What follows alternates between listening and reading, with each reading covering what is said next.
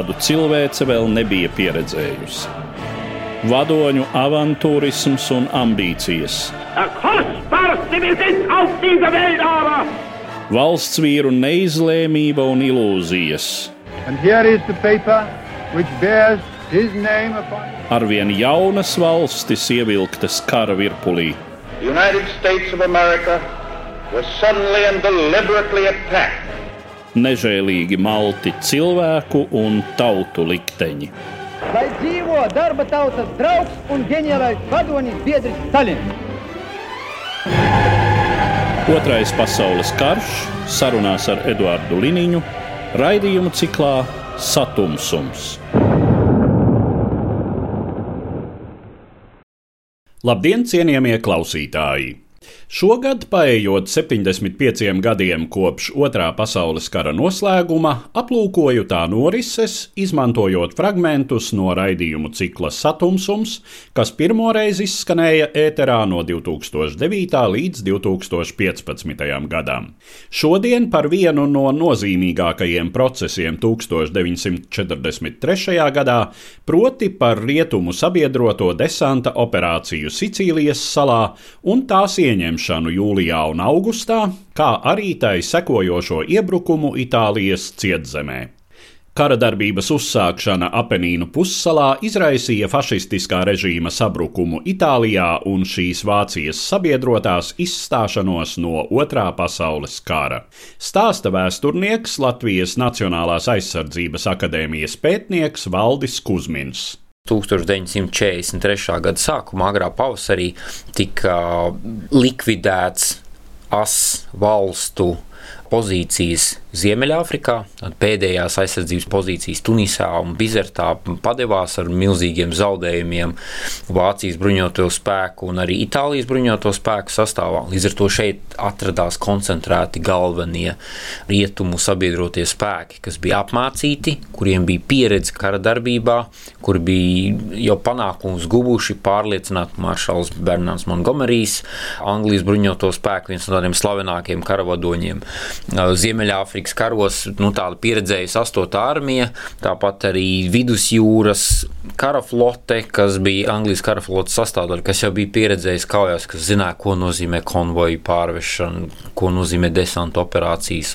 Protams, šeit varēja būt dažādi politiski apstākļi, šeit varēja būt padomju savienības spiediens, kas prasīja beidzot atklāt reālu otro fronti Rietumē Eiropā un palīdzēt padomju savienības cīņai pret Vācijas bruņotiem spēkiem. Lielākā daļa no Vācijas bruņoto spēku, gan cilvēku resursiem, gan materiāliem resursiem atradās Austrumu frontē. Jau sākot kopš 43. gada sākuma, jau parādās pirmie kontakti starp Itālijas dažādiem politiķiem, tajā skaitā arī no fašistu partijas, kas mēģina atrast kontaktus ar rietumu sabiedrotajiem, lai nodrošinātu Itālijas iziešanu no kara. Itālijas armija ir viena no interesantākajām. Un šeit iet kopā nesavienojamas lietas. Itāļu lidotāji bija daļa, kas bija ļoti varonīgi, bezmaz vai kamikadzes stilā, uzbruka arī Sicīlijas desanta operāciju laikā. Un tajā pašā laikā mums tā saucamās krasta apsardzes vienības, krasta apsardzes divīzijas, kas bija otrās šķiras rezervisti, 40, 50 gadus veci, Pirmā pasaules kara veterāni, kur bija pilnīgi neinteresēti iesaistīties kara darbībā. Un, manuprāt, pat, pat Itālijas bruņoto spēku vadība valdība nezināja, vai viņi iesaistīsies vai neiesaistīsies. Tad, protams, ir melno kreklu leģioni, kas bija fašistu partijas paramilitāras organizācijas, kas piedalījās kā jau daudz varonīgāk.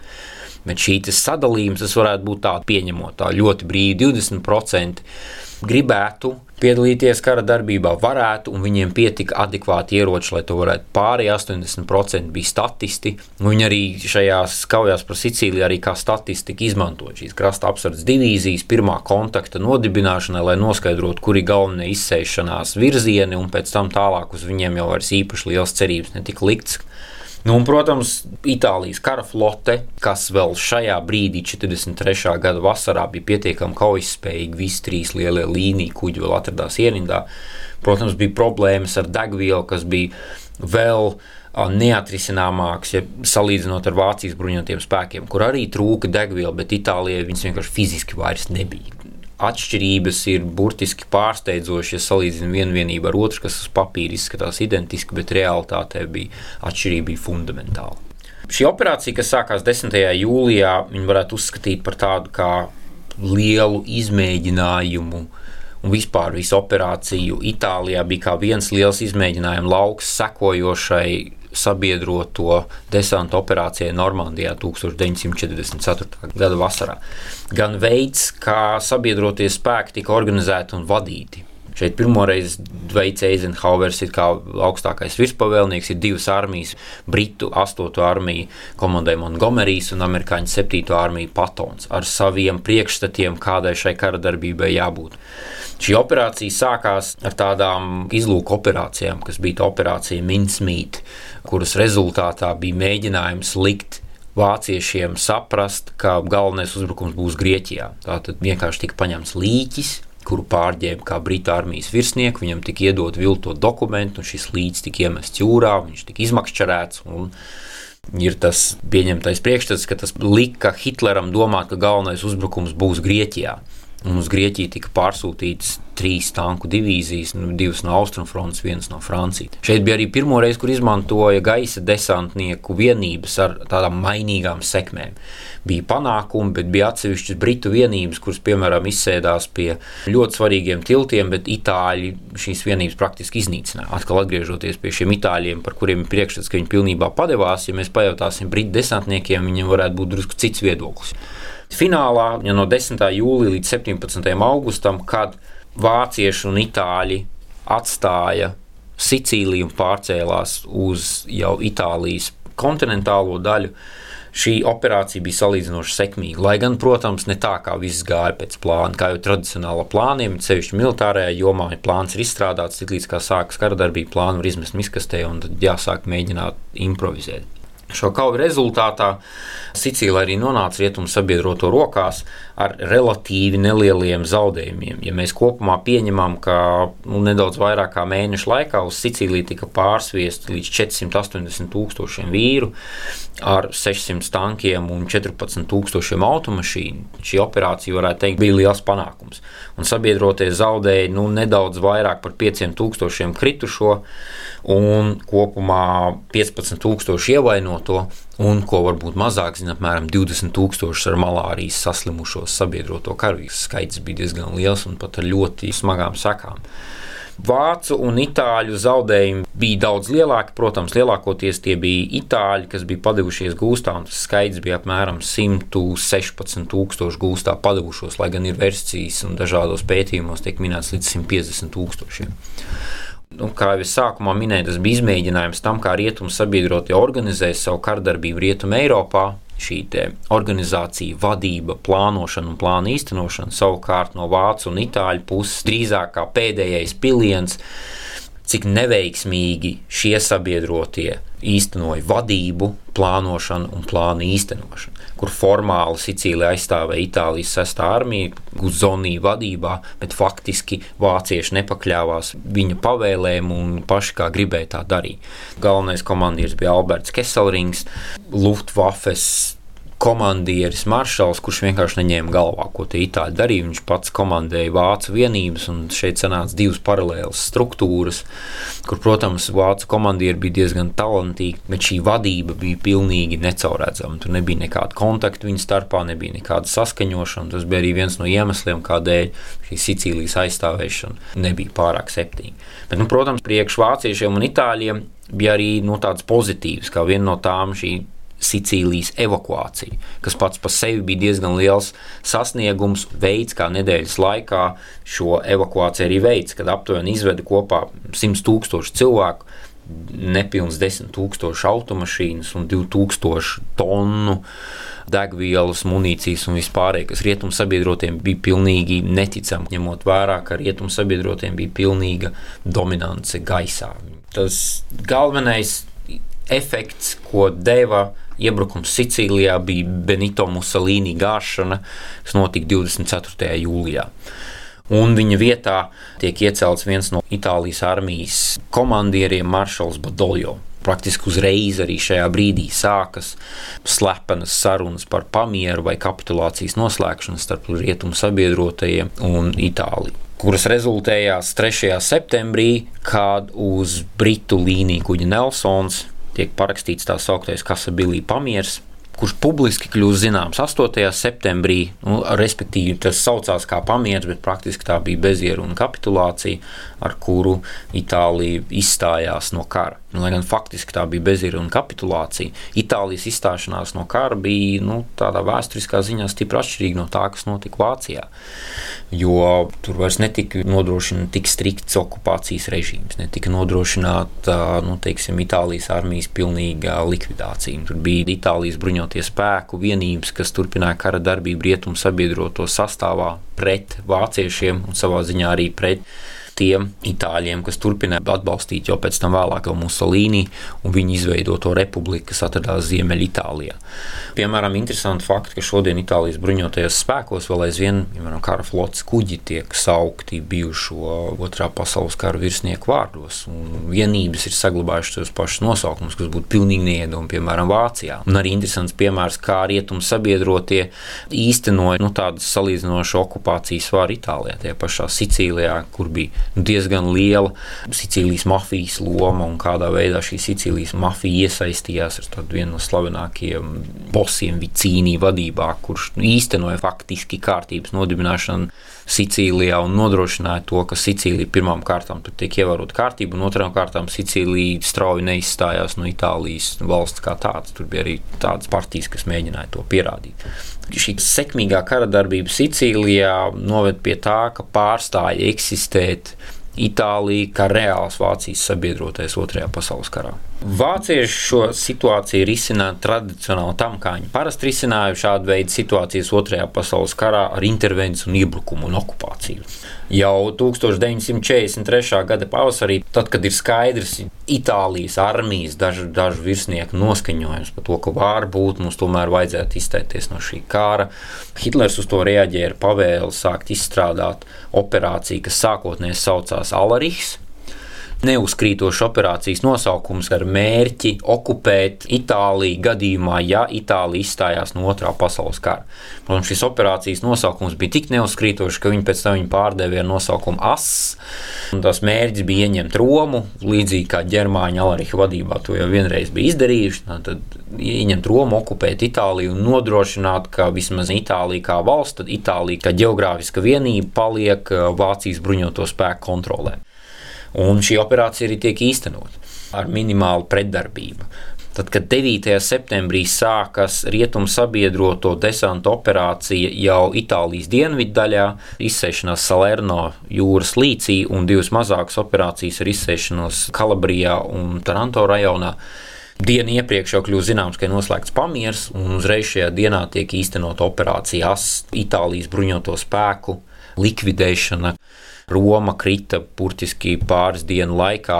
Kopumā vācieši šīs operācijas gaitā pēc viņu ziņām saņēma gūst apmēram 1 miljonu Itālijas bruņoto spēku karavīru, no kuriem pār 250 tūkstošiem gūstekņu Grieķijā un Egeja jūras salās.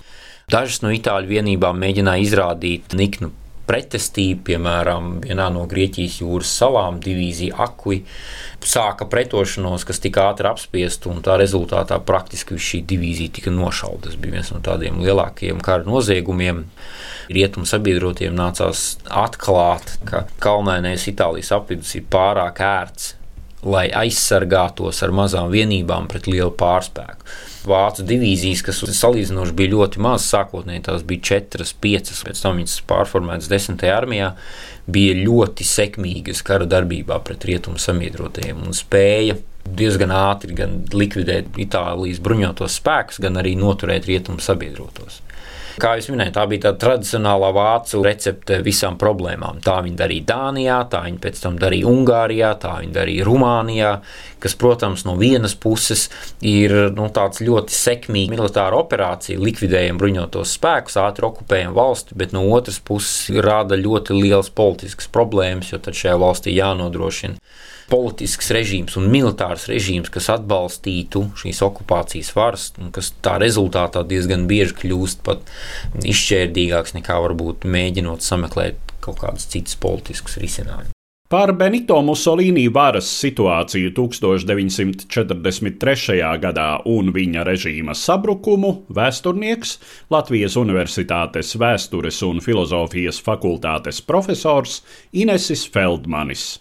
Musolīni visu laiku daudz ko darīja, vai viņam kā diktatoram būtu tādas manevra iespējas. Un tāpēc viņš pakāpeniski Itālijā izveidoja ļoti īpatnēju diktatūru, kas atbilda tikai viņa kā diktatora personiskām īpašībām, jo viņš nekad negribēja arī savu valsti, Itāliju, pārvērst par fašistisku valsti, kurā dominētu vienīgi fašistu partija. Itālijā vienmēr ir arī otrs varas centrs, tā ir monarhija, visu laiku pastāv karalis, un karalis juridiski vienmēr ierobežo Musolīni diktatūru, Musolīni visu laiku gribēja spēlēt tādu vidutāju lomu, jo Musolīni fašiskās partijas radikālais spārns prasīja, lai šī fašiskā partija kļūtu par noteicošo spēku valstī. Musolīni pret šo prasību iebilda, un viņš centās izmantot savas iespējas, vai rastos tāds stāvoklis, vai viņš, ja viņam ir nepieciešams kaut kādā jautājumā piekāpties karali, vai tad viņš varētu balstīties uz savas fašiskās partijas radikālo spārnu, un tai pašā laikā, ja viņam ir nepieciešams piebremzēt savas partijas radikālo spārnu, tad viņš balstās uz šo karali. Šāda situācija, es domāju, arī noved pie tā, ka varēja ļoti viegli no Musolīni atbrīvoties. 1943. gada jūlijā Britu un Amerikāņu karaspēks izceļās Sicīlijā. Nu, tas maina vis, vispārējo tautas noskaņojumu. Musolīni vairs nav visu divinātais diktators. Musolīni arī riskē un 25. jūlijā sasauc pirmo reizi kopš 39. gada lielās fašistu padomas sēdi. Un šajā fašistu padomas sēdē no 28 fašistu padomes locekļiem 19 nobalso par Musolīni atbrīvošanu. Un nākošā dienā viņu arī karalis atbrīvo no premjerministra amata, atbrīvo no armijas vispilnieka amata un liek apcietināt. Un vācu spēcdienas tomēr uzzina, kurš tika turēts. Un šeit izcilākais nacistu komandos Otos Korcenī sarīkoja Musolīni glābšanas operāciju. Par Benito Mussolini atbrīvošanas operāciju Vācijas speciālo uzdevumu spēku izpildījumā Valdis Kusmins. Noteikti visvairāk zināmā nacistiskās Vācijas bruņoto spēku veiktajām speciālo uzdevumu operācijām. Šī operācija parāda, kāda bija viena no galvenajām lomām speciālo uzdevumu vienībām Otrajā pasaules karā, ja runa ir ne tikai par informācijas vākšanu, bet arī par tādu aktīvu līdzdalību, diversiju, sabotāžu veikšanai. Un tiklīdz mēs sākam runāt par šādu aktīvu darbību, viens no galvenajiem faktoriem ir propaganda kādā veidā šī operācija pēc tam tiek atspoguļota vai nu savā presē, vai pēc tam viņa tiek atspoguļota pretinieku presē, un kāds tam ir bijis efekts. Tātad operācijas, kuras varbūt skaitliski bija lielākas un uz kurām tika liktas vislielākās cerības, bet neveiksmīgas, mēs nezinām. Savukārt operācijas, kuru ieguldījums bija tāds ļoti nosacīts otrā pasaules kara gaitā, bet tās bija sekmīgas ar maziem zaudējumiem, tās mēs zinām, jo viņas tika ļoti plaši aprakstītas, bija daudz apbalvojumi, ziņojumi, un tieši tādēļ mēs zinām Otos Karcēni, kurš pats ir rakstījis memoārus, un kura līdzdalība šajā operācijā vēl kara laikā ar Gebelsa līdzekļiem, gan arī ar SS vadības palīdzību tika ļoti plaši noreklamēta.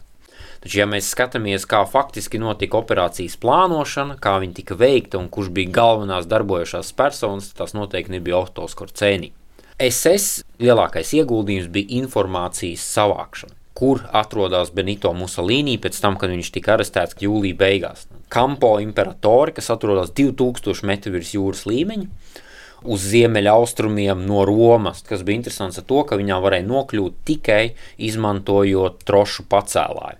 Herberts Keplers, kas bija SS pārstāvis Itālijā, viņš brīvi runāja itāliski, viņam bija plašs aģentu lokus, un viņam bija tā iespēja noskaidrot, kurā vietā tad atrodas pats Benito Mussolini, kāda ir apsardz, kāda ir apstākļi un vispārējais.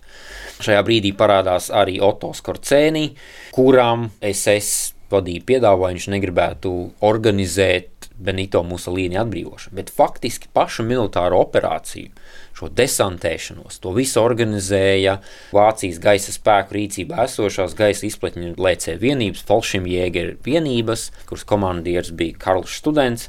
Un faktisko operāciju plānoja majors Haralds Mors, 7. izpletņu lēcēju pulka, mācību bataljonu komandieris. Pats Haralds Mors ar bataljonu lielāko daļu ieņēma ciematu apakšā, šī kalnu kurorta pakājē. Savukārt pirmā rota, kuru vadīja virsleitnants von Berlepšs ar 72 gaisa desantniekiem, viņi izmantoja planierus kas mūsdienās praktiski vairs netiek izmantot, bet Otrajā pasaules karā tas bija efektīvākais gaisa desanta īstenošanas līdzeklis. Jo ar izpletņiem, kurus mēs zinām šodien, Otrā pasaules kara laikā, un jo sevišķi vācu bruņoto spēku izpletņi bija praktiski nevadāmi. Planieri bija visefektīvākais līdzeklis, katrā bija viens pilots un 10 līdz 12 bruņoti karavīri. Tātad šajā operācijā piedalījās 72 gaisa izpletņu lēcēji un 14 SS vienības pārstāvji. Tā bija tā sauktā sevišķo uzdevumu komanda. Friedentāla, nosaukta Friedentāls pilsētas vārdā, kur Oto Skorcēnī apmācīja dažādu speciālu uzdevumu veikšanai savus vienības karavīrus. Un, ja mēs paskatāmies apbalvoto sarakstu pēc šīs sekmīgās operācijas, tad nospiedoši pārsvaru apbalvotie ir planiera piloti. Tas bija vissarežģītākais visā šajā operācijā. Pie hoteļa viņi atklāja, izmantojot gaisa izlūkošanu, ka šeit ir neliels laukumiņš, uz kuru planieris varētu nosēsties. Un tas bija ļoti sarežģīts pasākums. Lielākie zaudējumi, kurus viņi cieta, bija arī smagi ievainoti ar smagiem lūzumiem. Bija tieši, kad šie planieri nogāzās kaut kur. Pretestība nekāda neizrādīja vairāk iemeslu dēļ. Apsargāja Benito Mussolini, itāļu karabinieru vienību, tie bija apmēram 200 cilvēki. Un līdzi šajā operācijā piedalījās arī karabinieru komandieris Itāļu ģenerālis Soletī, kura galvenais uzdevums bija piespiest karabinierus. Viņi arī īpaši neredzēja tur nekādu jēgu pretoties un vienkārši sveic ar vīna glāzi ieradušos. Tas viss notika burtiski pusstundas laikā, 2.15. pirmie planieri nolaižās, un 2.45. ir jautājums, kā Benito Mussolini no turienes dabūt prom. Ļoti slavena vācu lidmašīna Fīzeler 156 stārķis. Šī bija lidmašīna, kas bija spējīga nolaisties un pacelties no ļoti ierobežotiem telpas.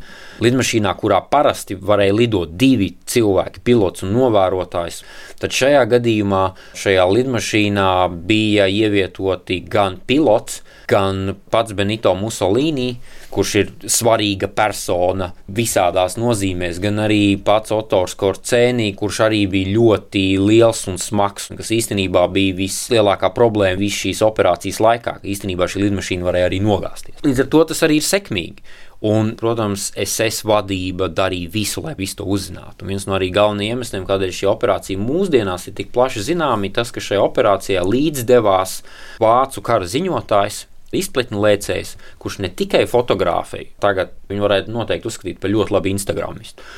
Viņš bildēja visu, kas tur notika, un tajā skaitā arī filmēja un filmēja, kā paceļās lidmašīna. Līdz ar to entuziastiem ir iespēja līdz sekundēji attīt atpakaļ, kurš kurā brīdī kur gāja, kur skrēja, kā sauc, kā ģērbās, ko šāva, ko nešāva. Turpinājumā par vispārējo situāciju, kāda izveidojās vidusjūras reģionā 1943. gada rudenī pēc rietumu sabiedroto spēku Itālijas kampaņas pirmā posma noslēguma, un arī par Vācijas militāri strateģisko situāciju šo notikumu rezultātā.